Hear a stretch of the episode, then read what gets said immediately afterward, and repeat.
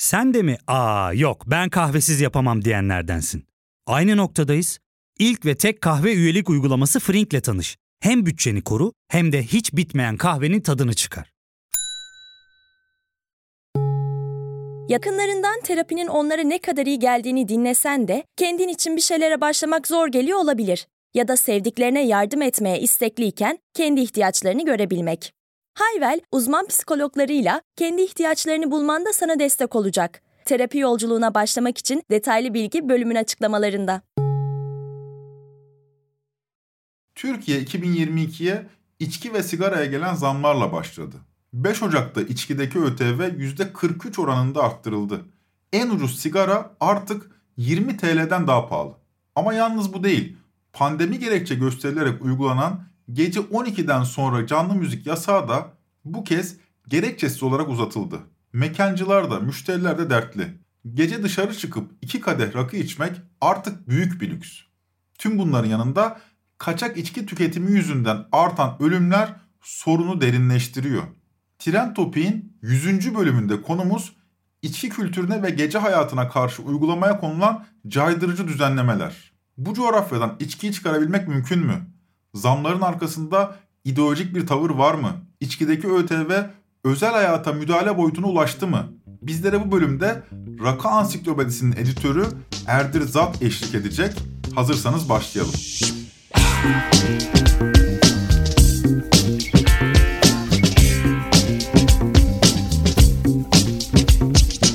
Geleneksel içkimiz rakı, öz vatanında artık lüks bir ürün.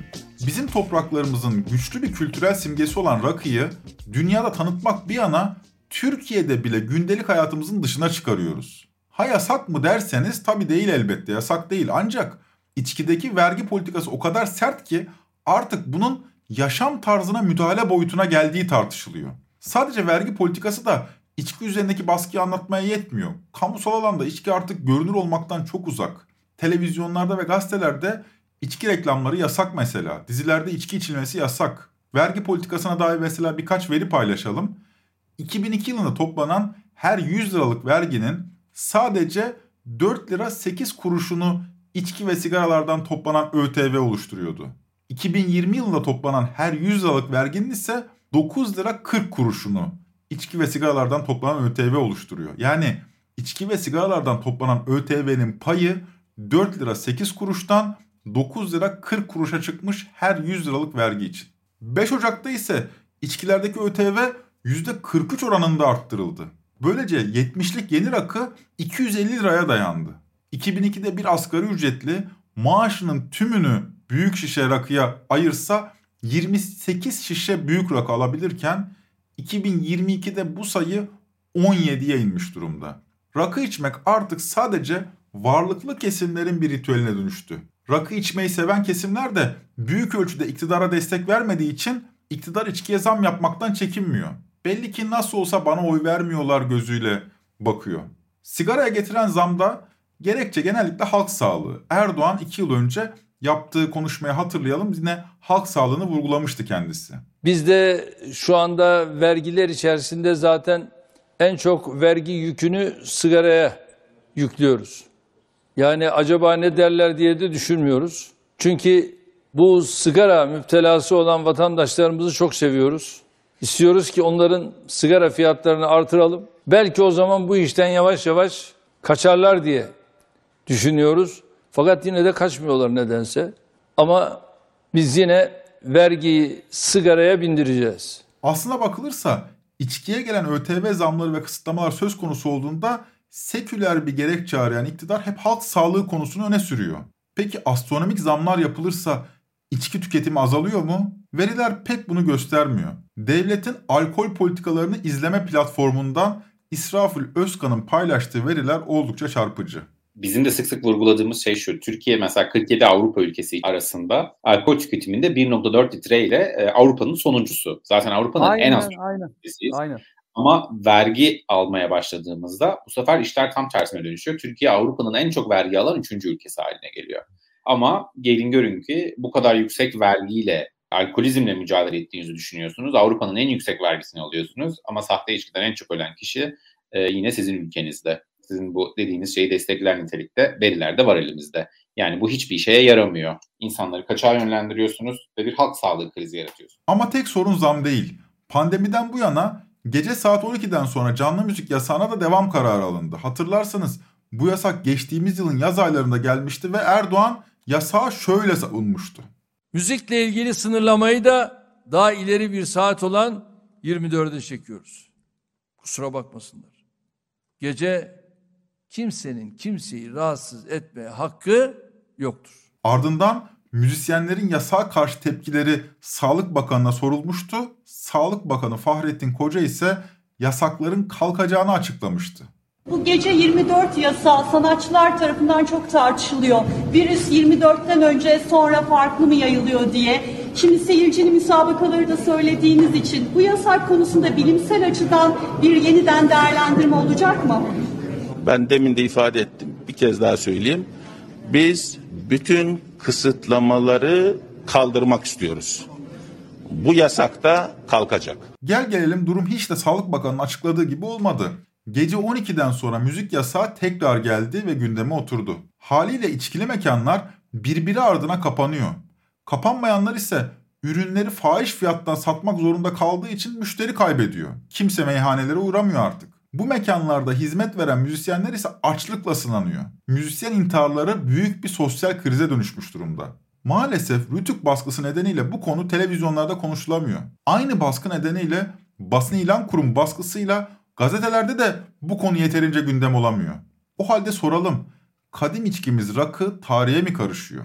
İsterseniz bu soruyu cevaplamak için geçmişte küçük bir yolculuğa çıkalım. Rakı deyince şaraptan çok daha yeni bir içkiden bahsediyoruz. Şarap üretimi son derece kolay, bir teknolojik yenilik gerektirmiyor. Ancak rakının ortaya çıkması için üzümün damıtılmasını sağlayan imbiğin icat edilmesi gerekiyordu. Onu da 8. yüzyılda bir Müslüman kimyager Cabir bin Hayyan buluyor. Cabir bin Hayyan'ın imbiğini Anadolu'nun bakır ustaları keşfedince yurdun dört bir yanında imbiklerden rakı damlamaya başlıyor. Kimi armutla yapıyor rakısını, kimi incirle. Ama yıllar içinde rakının en iyisinin üzümden yapıldığına karar kılınıyor. Rakıya ilişkin en eski bulgulardan biri 14. yüzyılda Bursa'nın fethinden sonra düşülmüş. Padişah Orhan Gazi'nin kentin zaptında büyük katkıları olan meşhur derviş Geyikli Baba'ya bir miktar arazi ve iki yük rakı hediye ettiği kayıtlara geçmiş. Belli ki rakı pek bir sevilmiş ve Anadolu kentlerine giderek yaygınlaşmış. Biraz filmileri sarıyoruz. 17. yüzyılın büyük gezgini Evliya Çelebi kaleme aldığı meşhur eseri Seyahatnamesinde Galata demek meyhane demektir diyor ve Galata'daki içki alemlerini ballandıra ballandıra anlatıyor. Nasıl ki bugün içki satan dükkanları tekel bayi olarak anıyorsak bundan 500 sene önce de rakı satan meyhanelere esnafı arak adı veriliyor. Evet arak. Bu kelime rakının eski adı. Ancak rakının yıllar içinde sadece adı değil tadı da değişiyor. Kayıtlar rakının şaşkınlık verecek cinsten bir yaygınlığı olduğunu gösteriyor bize. Bir kere gedikli meyhaneler var. Yani Osmanlı döneminde Gedik adı verilen resmi çalışma izni almış ruhsatlı meyhane. Gedikler yani meyhane açma izinleri yalnızca gayrimüslimlere veriliyor. Dolayısıyla Anadolu'daki meyhane kültürü büyük ölçüde Rum meyhaneciler tarafından oluşturuluyor. Ancak meyhanelerin önemli müşterileri de Müslümanlar. Osmanlı içki satışından vergi de aldığı için hazinenin önemli bir gelir kaynağı içki. Dolayısıyla Osmanlı'da kısa bazı dönemler dışında içki yasağı diye bir uygulama yok. Osmanlı içki satışından vergi alıyor. Dolayısıyla aynı zamanda bunu bir paraya çeviriyor. Ancak sadece gedikli meyhanelerde mi içiliyor derseniz orası muğlak. Çünkü ruhsatsız çalışan koltuk meyhaneleri, gemi tayfasının gittiği gemici meyhaneleri yani bu meyhane türlerini saymakla bitmez. Sadece meyhanelerde de değil. Boğaz'daki kayıklarda, bazen bir çeşme başında, bazen eve giderken yol üstünde, Evet yürür vaziyetteyken eve giderken yol üstünde. Ellerine bir küp rakıyla gezip isteyene bir yudumluk yolluk satan ayaklı meyhaneler. Evliya Çelebi bu ayaklı meyhanelere esnafı meyhaneciyan piyade demiş. Piyade yani ayakta gezen meyhaneci. 19. yüzyıla geldiğimizde rakı modern çağ ile buluşuyor ve artık büyük rakı imalathaneleri kurulmaya başlanıyor. İlk rakı fabrikası da 1880'li yıllarda yani 2. Abdülhamit döneminde Sarıcazade Ragıp Paşa tarafından Tekirdağ yolu üzerindeki Umurca çiftliğinde kuruluyor. Rakının içine anason katılması da 19. yüzyılın ikinci dönemine denk geliyor. Yani daha önce anasonla rakı birlikteliği bu kadar yaygın değil. Rakının tarihsel yolculuğunda Cumhuriyet önemli bir dönemeç haline geliyor. Bir kere Mustafa Kemal Atatürk'ün rakıyı kamusal alanda içen ilk lider olması önemli bir gösterge. Cumhuriyetle birlikte adına daha sonraları gazino diyeceğimiz alafranga eğlence mekanları da açılıyor. Bu mekanlara başlarda sadece kent eşrafı gitse de zaman içinde memur gibi orta sınıflar ve daha sonra kadınlar da bu mekanlarda müdavimler arasında yerini alıyor. Böylece anasonun ardından müzik de buluşuyor rakı. İlerleyen yıllarda köyden kente göçün de etkisiyle arabesk müzik de eşlik etmeye başlıyor rakı sofralarına. Rakının etrafında koca bir kültür oluşuyor dolayısıyla. Ya fark ettin mi? Biz en çok kahveye para harcıyoruz. Yok abi, bundan sonra günde bir. Aa, sen Frink kullanmıyor musun? Nasıl yani? Yani kahvenden kısmına gerek yok. Frink'e üye olursan aylık sadece 1200 TL'ye istediğin çeşit kahveyi istediğin kadar içebilirsin. Günlük 40 TL'ye sınırsız kahve mi yani? Çok iyiymiş. Aynen. Hatta şu anda 200 TL'lik bir indirim kodu da var. E hadi hemen indirip üye ol da bu fırsatı kaçırma. Terapiye başlamak, içinden çıkamadığın döngüleri kırmak, bazı yanlış bulduğun kararlarını değiştirmek ve kendinle beraber daha huzurlu bir yaşam inşa etmek için atabileceğin en değerli adımlardan biri. Hayvel ile yoğun yaşam tempona uyum sağlayarak online terapi seanslarını takvimine göre ayarlayabilirsin. Bini aşkın uzmandan sana en uygun terapisti seçebilir, podb10 koduyla indirimden yararlanabilirsin. Detaylı bilgi açıklamalardaki bağlantıda. Bütün bu bilgileri derlerken, hazırlarken faydalandığımız başlıca kaynak 2010 yılında ilk baskısı yapılan Rakı Ansiklopedisi oldu. Biz de Rakı Ansiklopedisi'nin yayın yönetmeni Erdir Zat'la buluştuk ve bu vesileyle biraz sohbet ettik. E içki kültürü hakkında konuşacaksak biraz müziğe de ihtiyacımız olacağını düşünüyoruz. Bugün aslında rakıyı konuşmamızın sebebi bu rakı üzerinde uygulanan hem düzenlemeler, işte canlı müzik yasağı, işte e, ekstra alkol ruhsatlı yerlerin çok artık nadir yerler haline gelmesi ve en önemlisi aslında içkinin üzerindeki fahiş vergiler. Şimdi bu bir artık gündelik hayata, özel hayata müdahale anlamına geliyor mu diye insanlar tartışmaya başladı. Rakı baya gayrimeşru bir hale gelmeye başladı geniş kesimler nezdinde. Reklamlarda görünmüyor, televizyonda görünmüyor, dizilerde görünmüyor.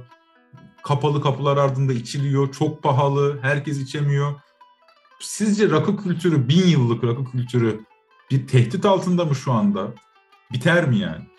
Ortada bir tehdit olduğu açık. Onu görüyoruz, gözlemliyoruz, yaşıyoruz. Ama biter mi? Ee, yok. Ya toplumlar çok yavaş hareket ediyor. Böyle bir kültürü yok etmek için yeterli zaman geçmedi. Ama ne var? Ben artık takip etmiyorum ama en son %1400 civarındaydı. %2000'lere kadar çıktı vergi.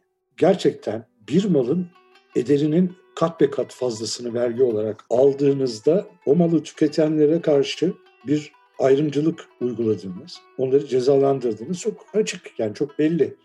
İçki içen cezalandırılıyor ve böyle bir eğlence hayatı oluştu ister istemez bu bilginin dışında ve sanki bu eğlenceyi yapabilmek belli sınıfların işi. Parasını veren düdüğü çalar. Veremiyorsan yapmayacaksın demeye geldi ama kültür tepki koydu.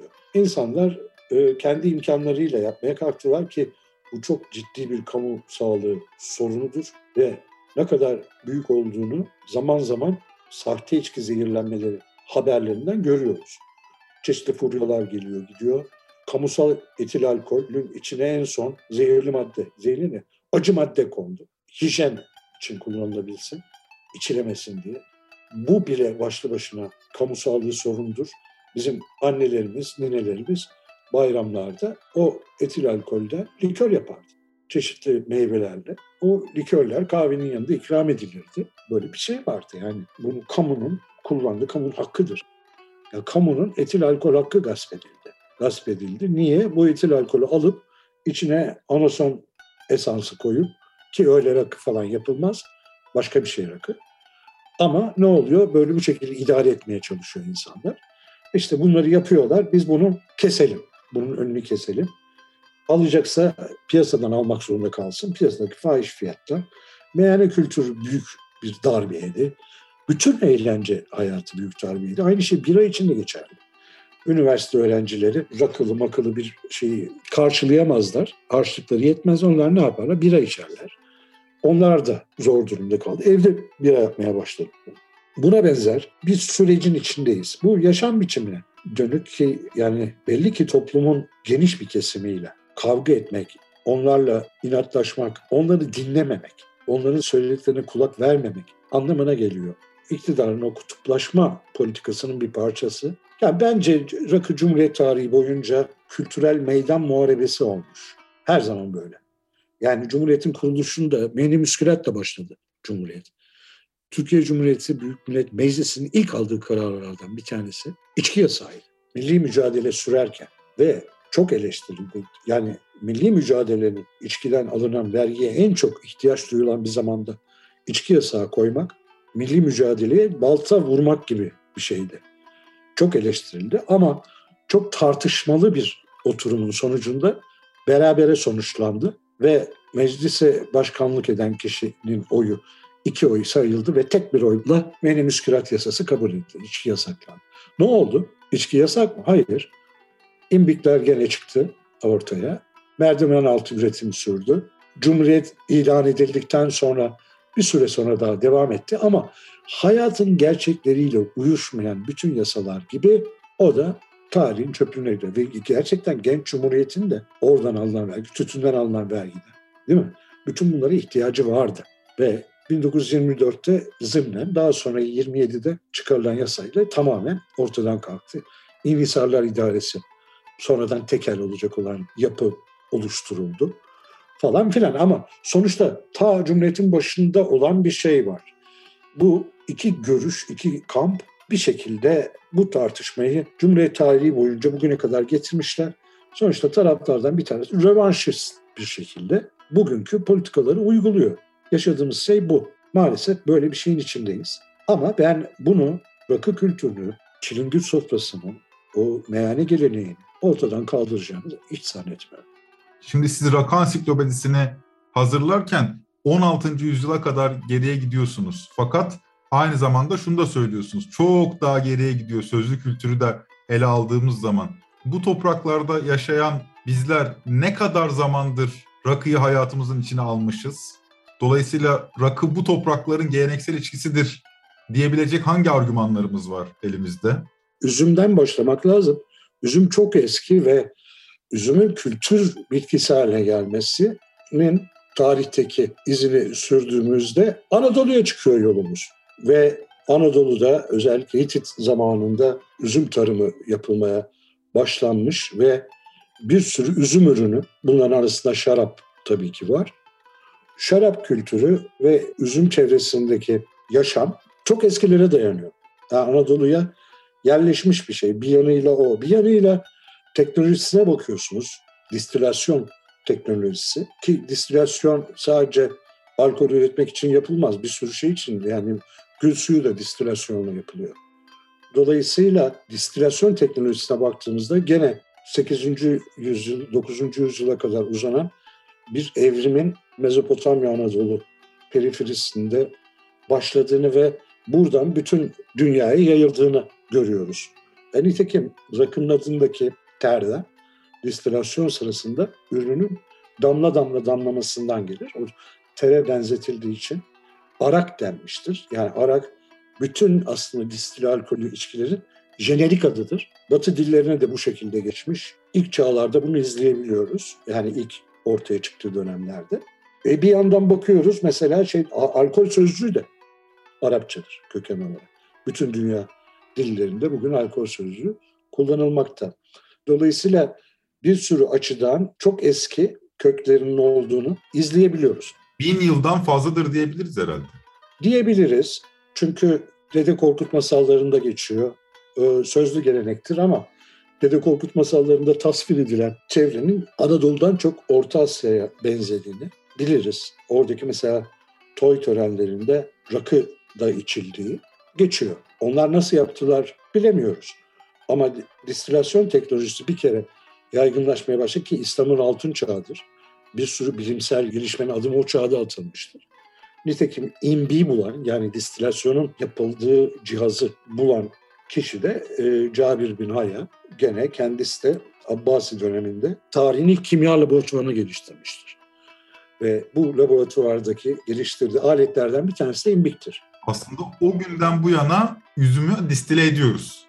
İlk olarak nasıl başladı buna dair gerçekten karanlık. Çok fazla şey bilmiyoruz ama kıyaslamalarla ve o kültürel yayılmayla birlikte incelediğimizde evet özellikle mesela imbik yapabilmek için ciddi gelişmiş bir mesela bakır zanaatçılığına ihtiyaç var. Ve bu Anadolu'da mevcut.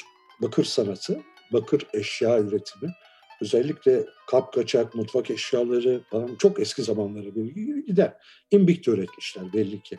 Ve bu imbik ne bileyim Evliya Çelebi'den izliyoruz. Polonya'ya kadar, Ukrayna'ya kadar gidiyor. Evliya Çelebi de orada üretilen içkilere henüz o zamanlar vodka ya da başka isimler verilmediği için onların hepsini rakı diye, arak diye kaydetmiş. Ki bu 17. yüzyıla dair bir bilgi. Daha öncesi de var. Yani rakının tarihselliğini çok fazla bir sürü başka cepheden kanıtlamak mümkün. Erdirzat içkiyi yok etmenin mümkün olmadığını söylüyor. Hakkı var. Çünkü binlerce yıldır bu topraklarda içki içiliyor. Bin küsür yıldır ise rakı içiliyor.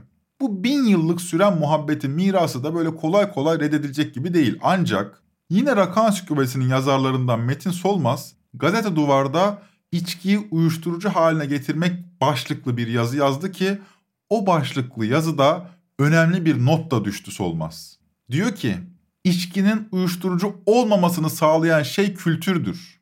İçkiden kültürü çıkarırsanız, içki kültürüne savaş açarsanız ve bu savaşı kazanırsanız içki yok olmaz. İçki uyuşturucu haline gelir. İçki kamu sağlığı meselesi haline gelir. Solmaz'a göre iktidar aslında içkiyi değil, bir kültürü yok ediyor. Solmaz'ın uyarısı da bu nedenle haklı. O yüzden bu bölümde uzun uzadıya rakı kültüründen bahsettik. İçkinin uyuşturucu olmamasını sağlayan şey onun kültürü. Müziği, mezeleri, tarihi, üzümü, anasonu, bakır imbikleri vesaire vesaire. Bu kültüre savaş açıldığında da içki tüketimi azalmıyor. İçki kültürü bitiyor. İçki ise merdiven altı üretimini sürdürmeye devam ediyor tıpkı uyuşturucular gibi. Bu kez de kamu sağlığını tehdit ediyor. İçki zamlarını yapanlar bu zamların arkasında halk sağlığını korumak gibi bir gerekçe olduğunu savunuyor. Ancak zamların sonucunun halk sağlığına daha büyük zarar verdiği en çok dile getirilen eleştirilerden. Sadece Aralık ayında 75 yurttaş kaçak içki yüzünden hayatını kaybetti. İçkideki ÖTV artık ideolojik bir vergi gibi değerlendirilmeye başladı. Bu vergiye artık halk arasında kimi günah vergisi, kimi cizye diyor.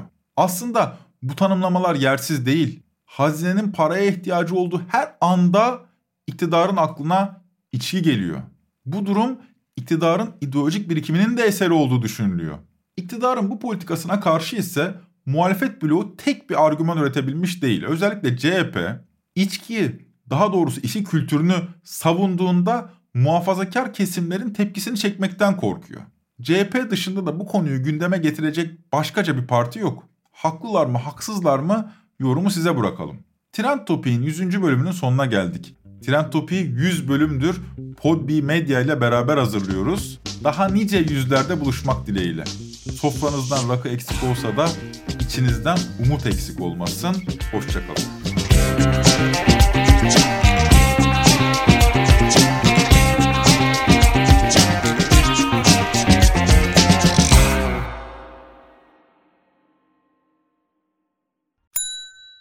İlk ve tek kahve üyelik uygulaması Frink, 46 ildeki 500'den fazla noktada seni bekliyor.